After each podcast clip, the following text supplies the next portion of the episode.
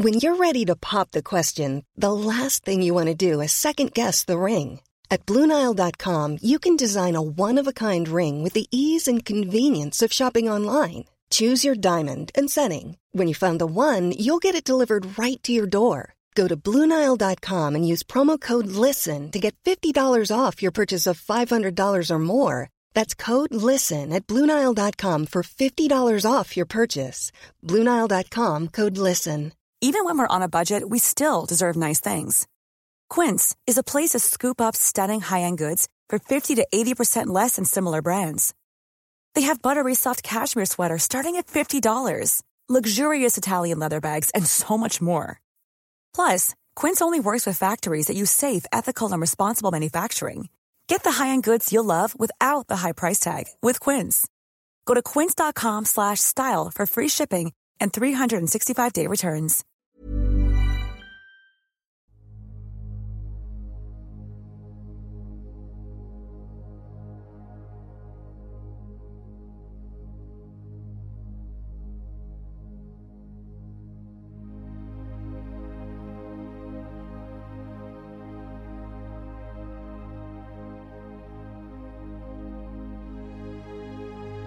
Ljus eller mörker gäller människor i den fysiska dimensionen och varelser i alla andra dimensioner. För att kunna se vad som är vad behöver vi människor vara öppna för både ljus och mörker. Det kräver mod och ett öppet sinne. Ljuset ger oss ljus, värme, kärlek, gemenskap, tillhörighet, vänskap och en massa vackra livsupplevelser. När vi talar om mörkret i podden så är det när vi människor upplever förvirring, kaos, hot, angrepp, manipulation, splittring som bidrar till att man känner sig ensam, isolerad och rädd. Att vara i sin egen kraft är att våga se verkligheten för vad den är och där göra medvetna val. Du kan bara kontrollera din värld, dina känslor, din livsupplevelse och det är att vara i sin egen kraft.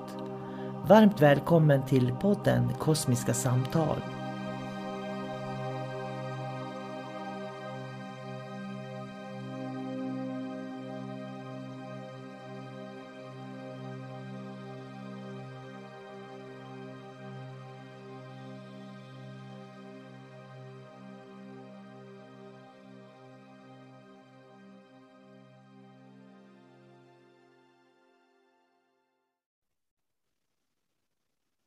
Hej och varmt välkommen till Kosmiska samtal. Jag heter sol karina och jag sitter här med min vän David Gran och filosoferar. Så jag säger hej David. Hej, hej sol karina eh, Vi ska väl börja med att tacka för att människor skriver till oss och ger oss intressanta, spännande uppslag vad vi ska prata om.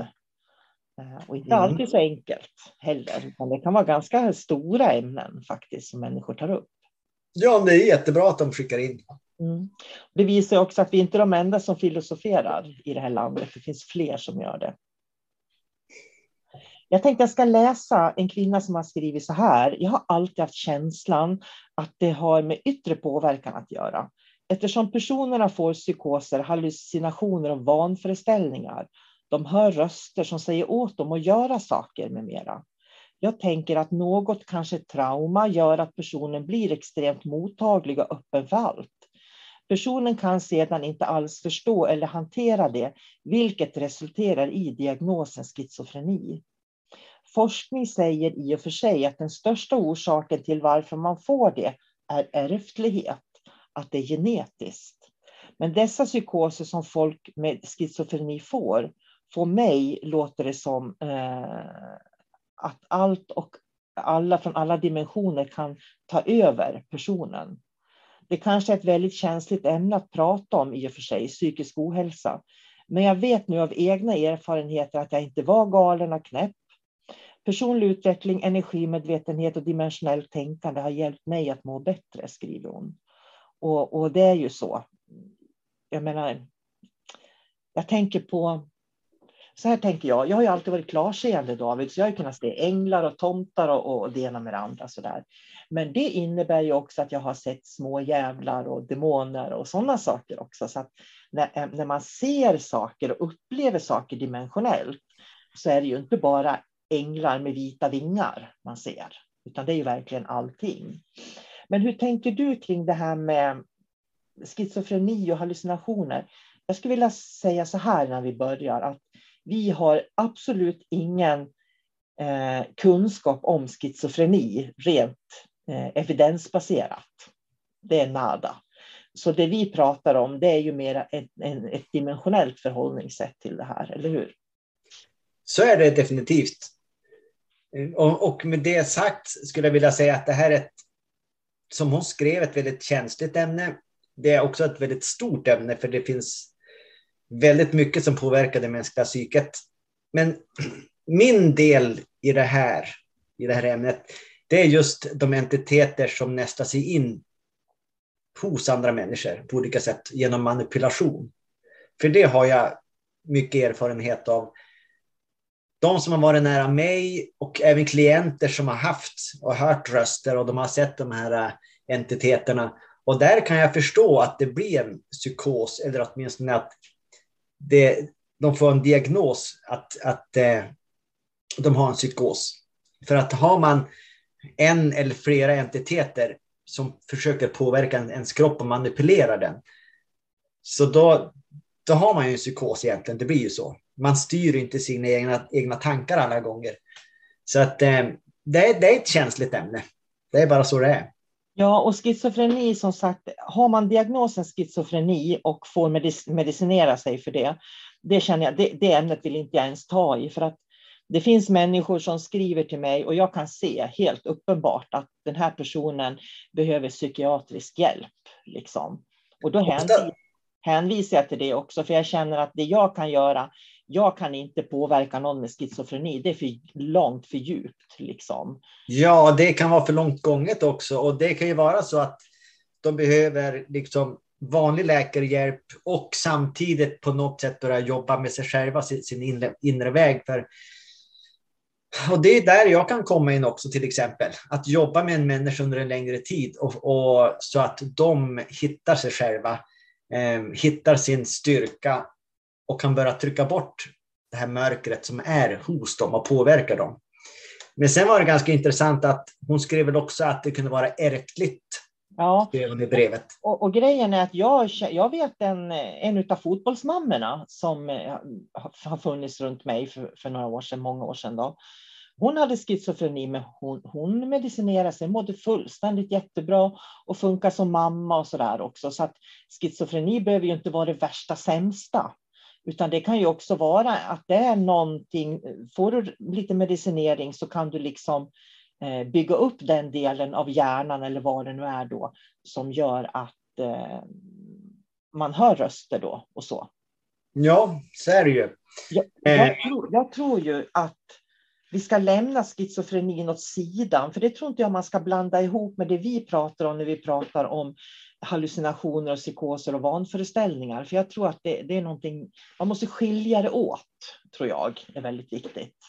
Det finns gemensamma nämnare, men eh, vi bör skilja det åt bara för sakens skull just nu. Ja, och i alla fall, vi, vi kan ju bara prata av egen erfarenhet. Ja, och om vi pratar utifrån en dimensionell verklighet, då kan vi inte prata eh, på det sätt som man rent eh, vård och behandlingsmässigt eh, pratar. Utan då pratar vi enklare varianter skulle jag vilja säga, eller variationer. Då. Men jag tänker så här, eh, psykoser. Eh, för mig, jag tycker ofta att eh, jag har mött människor som har lätta psykoser. Och det kan vara till exempel att man har fått för sig att man är Jesus, eller att Jesus pratar med en, eller att man pratar med någon högt uppsatt liksom, eh, andlig varelse. Eh, och ofta när man har lätta psykoser så det är ungefär som man skulle ha mycket ego på något sätt. Eh, jag kan inte förklara det. Ja, men det blir upp, ett uppblåst ego på, på något sätt. Ja. Att jag är duktig, jag är utvald, Ja. jag gör skillnad här på jorden. Jag ska liksom eh, ta fördelar för att jag är så viktig. Ja, Och då kommer man till det här med att, som jag då egentligen tror att där har du väldigt mycket demonisk verksamhet. Därför att när du hör om de rösterna, det är ju, jag tror att det är andra entiteter som försöker påverka på något sätt. Jag vet att för många år sedan så var det en kvinna som bokade en vägledning med mig. Och det var liksom inga problem, det var en jättebra vägledning på alla vis. Men när det var klart sen, då bara rasade det in mejl. Rösterna hade sagt till henne att nu skulle hon straffas för att hon hade pratat med mig. Och hon fick ett rent helvete faktiskt med de här rösterna. Och hon hade redan problem med röster. Så att på något vis är det ju viktigt att, jag vet inte hur jag ska säga det egentligen, för jag känner att jag vill inte heller tassa på tå för mycket samtidigt som jag vill göra det eftersom det finns så mycket psykisk ohälsa då. Men röster ska man inte höra. Så enkelt är det. Du ska höra din röst, inga andra röster. Sen är det ju också det här att om man har en manipulativ röst i sitt huvud, det börjar ju oftast som en snäll röst. Eh, ja, som ger komplimanger och dylikt. Och när man liksom har svalt på betet så kan rösten ändra karaktär också. Så att det är därför man inte ska lyssna på röster överhuvudtaget. För en snäll och ljuv röst kan i förlängningen vara en, till exempel, en eh, demon som vill manipulera dig. För det du gör är att då släpper du in den varelsen i ditt energisystem så att den får kontakt med dig och liksom fäster sig i energisystemet. Men jag upplever att många människor de hör, åh min guide pratar med mig och så är det en andlig guide som pratar med dem och så lyssnar de jättemycket.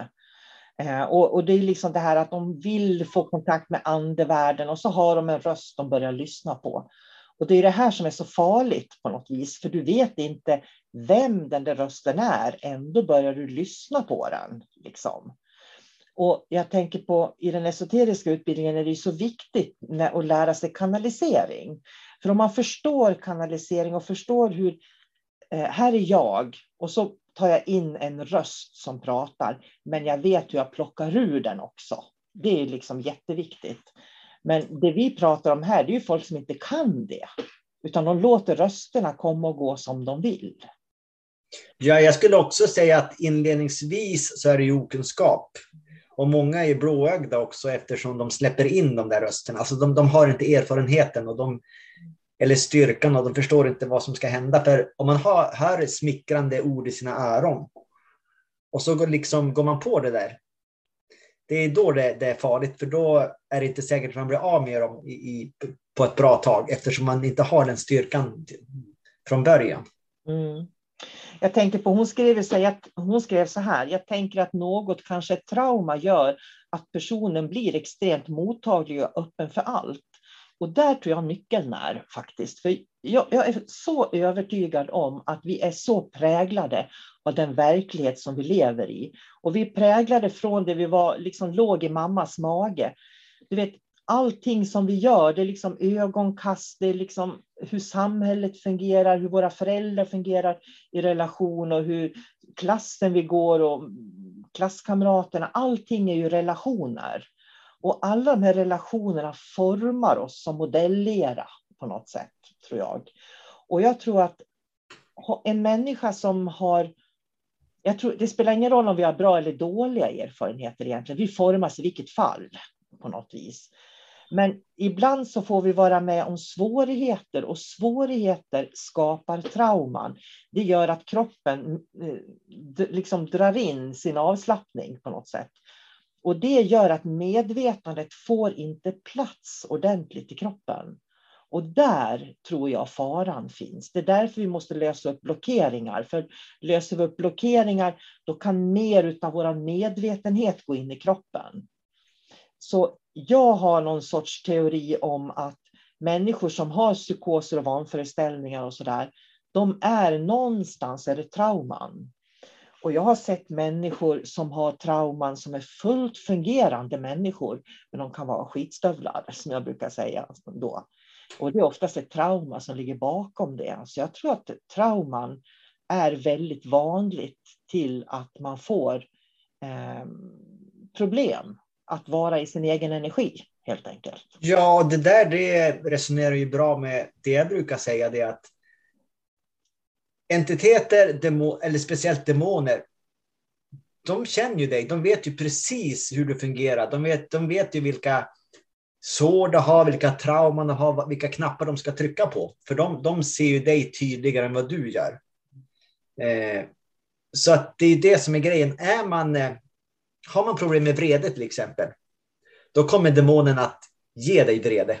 Mm. Har du problem med liksom, i äktenskap, då kommer demonen vara där och jobba med de där äktenskapsfrågorna, vad det nu kan vara, så att den vet alltid hur den ska agera. Så att, men egentligen är ju inte det demonens fel, utan det är ju människan som har en obalans eller ett trauma som den måste jobba med. Mm.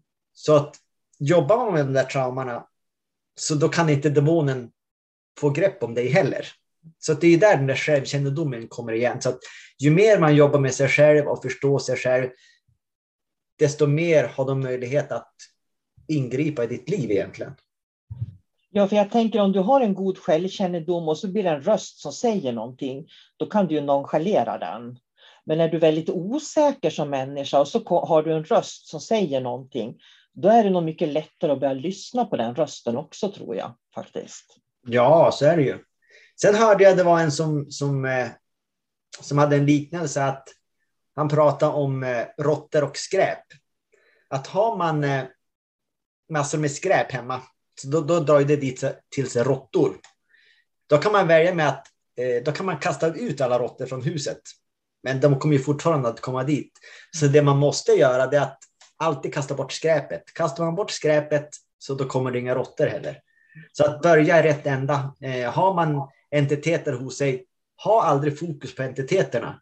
Ha fokus på dig. Mm. Ha fokus på ditt skräp. Mm. Är det du ska kasta ut för någonting? Det var en jättebra liknelse tycker jag faktiskt, eh, som du drog nu.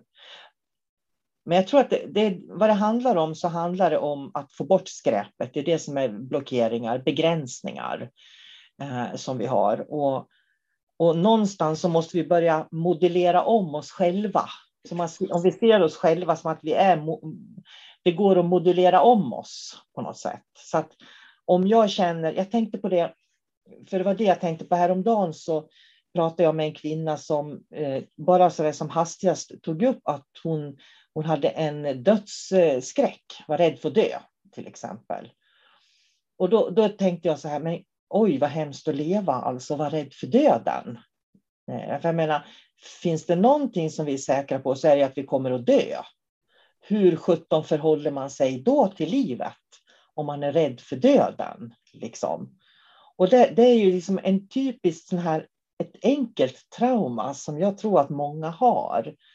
Man är rädd för döden eller för att bli sjuk eller för alltså, olika saker. Och då är ju det ett värdefullt, eh, en värdefull rädsla för entiteter av alla de slag. Och, någonting, och det är någonting jag kan jobba med hos mig själv.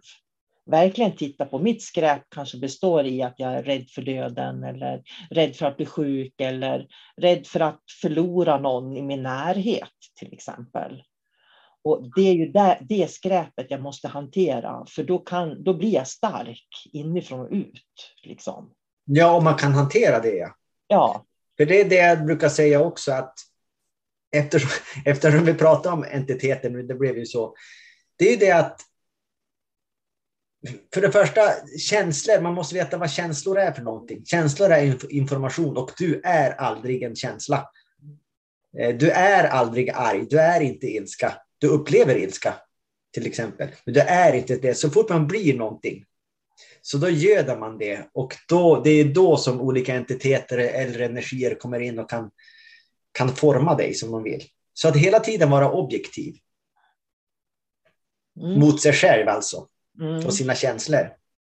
Och när du ska utforska någonting, då kan du använda känslorna. Jag tänker så här, om jag vill utforska olika dimensioner, så kan jag gå till olika dimensioner och uppleva känslorna i olika dimensioner.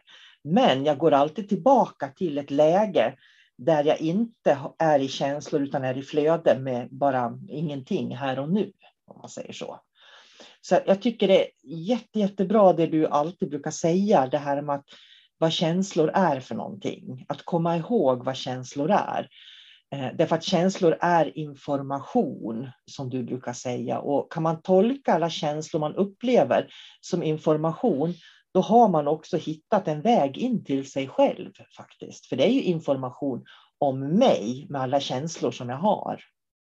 Ja, och sen man kan ju även tolka omvärlden genom deras känslor också, när man har lärt sig det här. Om jag har en, eh, en kompis framför mig eller en annan människa som har olika känslor och omlopp, då kan ju du läsa av alla de där känslorna och så förstår du att aha, det kommer en massa känslor från den där människan. Mm. Det är alltså inte mina känslor, så då behöver du inte bli påverkad heller. Mm. Så att man, man ser alltid känslor som information på olika sätt. Då blir den mycket lättare att hantera också. Jag tycker det, det, här kopplar bra ihop det här med vanföreställningar. För vanföreställningar behöver ju inte bara vara hos människor som är eh, rent psykiskt sjuka och har en diagnos. Så. Vaneföreställningar, det går ju de flesta med oss omkring, eh, av oss omkring med faktiskt. Där vi, och jag tänker på, vi har pratat om andligt uppvaknande och sådär. Innan man får ett andligt uppvaknande så är man ju i vaneföreställningar faktiskt. Därför att jag tror att verkligheten ska vara på ett visst sätt tills jag upptäcker att den inte är det. Jag menar, hur många människor har inte haft vaneföreställningar om man tänker så? Det har vi allihopa. Men blir de för avancerade, då blir de ju sjukliga, om man säger så. Så ja. jag vet när jag var mindre så då brukade jag fantisera ofta att om man skulle träffa, med någon, träffa någon eller prata med dem på något sätt, då hade jag i huvudet redan föreställt mig vad de skulle säga och vad jag skulle svara tillbaks. Och så tänkte jag, och så hade jag kanske skrivit upp det på ett papper också. Och om de sa någonting som inte stod på det där pappret, då var det ju jättejobbigt för mig. Och det var väl det som var den stora skräcken, att, att jag ville kontrollera ett samtal i förväg. Mm. Men det där har jag ju släppt nu. Men jag vet att det var ett problem när jag var yngre.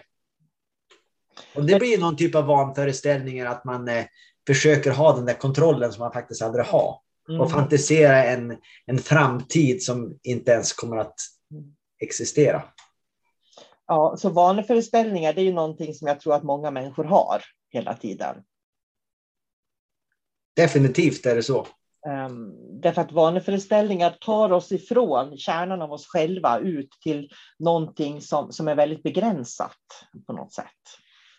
Ja, eller också blir det helt enkelt så att istället för att jag är i, i mitt flöde och min energi, så då kan jag läsa in en annan människa, till exempel som den som jag ska prata med.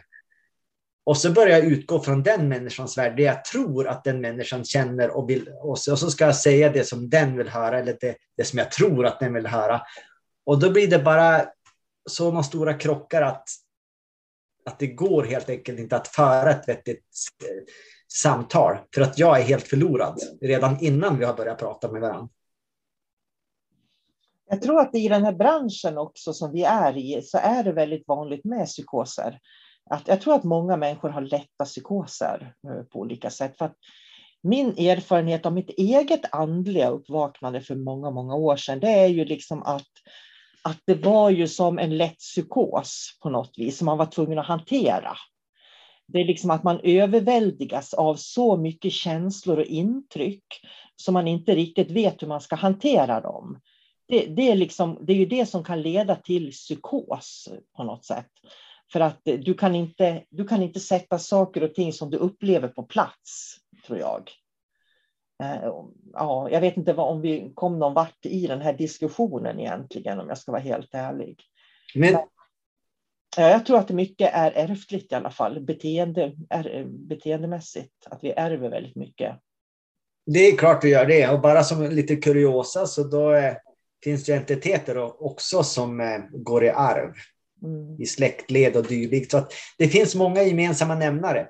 Mm. Men det som alltid är viktigast är att fokusera på, du ska ha fokus på dig, alltid på dig aldrig på entiteterna runt omkring. För man blir aldrig fri, om man får säga så, så länge man har fokus på någon annan än sig själv. Och sen det där som du pratade om tidigare också, att man inte kan inte ska gå omkring och ha föreställningar om vad andra människor tänker. Eller ha föreställningar om hur andra människor ska agera. Eh, utan försöka prata med människor istället eh, direkt. Men hur gör man då om man eh, hör röster då, skulle du säga? Vad gör man åt det? Det är en bra fråga. Jag har aldrig hört röster, så jag kan egentligen inte svara på det. Eftersom inte jag har haft det problemet så vet inte jag hur man löser det problemet heller. Men jag skulle nog eh, jobba på att... För, för det första skulle jag nog verkligen försöka vara närvarande i mig själv, tror jag. Och jag tänker ett bra sätt för mig att vara närvarande i mig själv, det är att andas, följa min andning. För när jag följer min andning, då är jag centrerad i mitten av mig själv. Eh, jag tror att jag skulle argumentera med röster om jag, fick, om jag hörde röster. Det tror jag faktiskt. Eh, jag vet inte. Hur skulle du göra? Eh, det som jag, jag... Jag tror att det egentligen är ingen skillnad mot... Alltså, röster är ju en information. Mm. Så att jag tror att jag skulle göra som jag brukar göra. Att jag tar kontakt med mig här i centrum och jag expanderar ut det som är jag.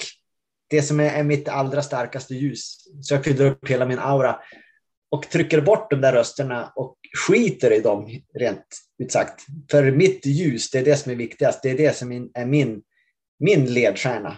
Jag följer, jag tar inte order av några andra röster. Då kanske inte är så bra att argumentera med dem heller då, faktiskt. Utan då är det bättre att nonchalera dem. Nej, men alltså det, det, handlar alltid om att hitta sitt sätt att ta tillbaka sin egen makt. För det som händer nu, det är att någonting utifrån, eh, även om man inte vet vad det är, konkurrerar med, med, med din kropp. Mm. Men det är du som äger din kropp. Det var det, det där jag tänkte på också faktiskt. Så att det, man, kan, man kan se på det rent tekniskt på det sättet. Om du står upp för dig själv, du står upp för din kropp och är tydlig med det, då finns det inte utrymme för några röster heller att komma in där. Nej, för rösterna kommer ju in om du är osäker och inte bestämmer dig för vad du tycker själv, helt enkelt. Jag tänker på, jag menar, rösterna tar sig ju in entiteter tar sig in, det här, vi pratar ibland om att bli smittad, det tar sig ju in när jag inte vet vad jag vill eller bestämmer mig för vad jag vill. I stunder av tvivel kan det också komma in eh, andra krafter. För det är då man sänker garden. Det, det, är väl det jag kan känna av ibland. Jag kan känna det. Jag kan känna tvivel, men jag kan också känna hur tvivel försvagar mig därför att tvivel, det verkligen drar till sig mer tvivel. Eh, jag tycker det är viktigt det här med att fråga vad vill jag? Vad tycker jag? Hur vill jag ha det? Så att man ja, verkligen tittar på eh, hur man själv, vad man själv tycker. För då, då, kan, då kan ju ingen försöka tycka någonting som finns runt omkring en i alla fall. Ja, jag kan, jag kan ju dra ett exempel här utan att nämna namn. När jag pratade med en klient för flera år sedan som eh, hörde röster. Och när jag pratade med kvinnan och ställde frågor, då, då sa hon så här, ja, rösterna säger, och så berättade hon för mig vad rösterna sa. Och då sa jag, nej men jag vill inte höra vad rösterna säger, jag vill höra vad du säger. Mm. Ja, Nej, men de tycker, nej, jag vill inte höra vad de tycker, jag vill höra vad du tycker. Så att den där kvinnan hade ju lärt sig på något sätt att det var rösterna som bestämde. Mm. De var viktigare än henne. Så att vad hon sa, det spelar ingen roll. Det var de som svarade på frågorna som jag ställde till hon. Mm. Och där har man ett, liksom ett, ett grundfel. Om, jag, om den här människan ska bli fri från rösterna, så ska hon svara på frågorna som jag ställer direkt till hon. För det handlar om hennes självkänsla, hennes bild om sig själv. Men rösterna var högre i rang än mm. hon och därför så var de kvar. Och det där var jättebra sagt. Du har rundat av det väldigt bra tycker jag. Så vi ska faktiskt avsluta där. För det är jätteviktigt det där som du sa nu och det var bra att du kunde ta den liknelsen. Och jag skulle verkligen vilja rekommendera er som lyssnar om det är så att ni har problem just med sådana här saker så är David väldigt duktig och har ett stort tålamod där. Eh, för jag vet att du har hjälpt många människor som har haft de här problemen. Men då vill det ju till att man är frisk-sjuk, hur man säger. Eh, att man kanske har problemet med att man hör röster, men inte har en diagnos, så att säga. För då har det gått för långt för att kunna göra någonting åt, tror jag. Ja, viktigast är väl helt enkelt att man, eh, man undersöker alla aspekter. Jag mm. har en fysisk kropp som kan bli intagen av eh, mörker om vi säger så. Och sen har vi våran hjärna som också kan bli sjuk. Alltså en fysisk hjärna som får en sjukdom. Så att det är viktigt att undersöka eh, liksom alla vägar. Mm. Den traditionella vården, eh, sättet vi arbetar på. Vem vet, vi kan ju arbeta tillsammans möjligtvis. Men eh, det är jätteviktigt att gå till en läkare om man, om man känner sig psykiskt sjuk. Ja, det tycker jag också. Och det är inte alls fel att medicinera sig heller om det är så att det är det som är räddningen om man behöver det. Eh, så ska man absolut ta mediciner också eh, som kan hjälpa till. Men jag tycker att hon har eh, rundat av det väldigt bra, för hon har skrivit så här, personlig utveckling, energimedvetenhet och dimensionellt tänkande har hjälpt mig att må bättre, skriver hon. Och jag vet att den här kvinnan också har gått eh, Sannesens till exempel. Och jag vet att det har hjälpt henne, för jag känner ju till henne, hennes historia också lite grann, då, som skrev till oss. Eh, och, eh, och det är så att eh, ju mer man vet, desto lättare är det att välja på något sätt. Så min mamma hon sa alltid att kunskap är inte tungt att bära. Och jag tycker att hon har en stor sanning i det faktiskt. Mm. Det är fint. Vila i frid mor. Eh, tack för idag David. Tack själv. Hej då. Hej då.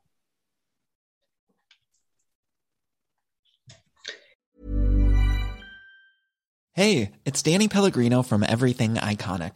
Ready to upgrade your style game without blowing your budget? Check out Quince. They've got all the good stuff shirts and polos, activewear, and fine leather goods, all at 50 to 80% less than other high end brands. And the best part? They're all about safe, ethical, and responsible manufacturing. Get that luxury vibe without the luxury price tag. Hit up quince.com slash upgrade for free shipping and 365 day returns on your next order. That's quince.com slash upgrade. Normally, being a little extra can be a bit much, but when it comes to healthcare, it pays to be extra. And United Healthcare makes it easy with Health Protector Guard fixed indemnity insurance plans. Underwritten by Golden Rule Insurance Company, they supplement your primary plan, helping you manage out of pocket costs without the usual requirements and restrictions like deductibles and enrollment periods. So when it comes to covering your medical bills, you can feel good about being a little extra. Visit uh1.com to find the Health Protector Guard plan for you.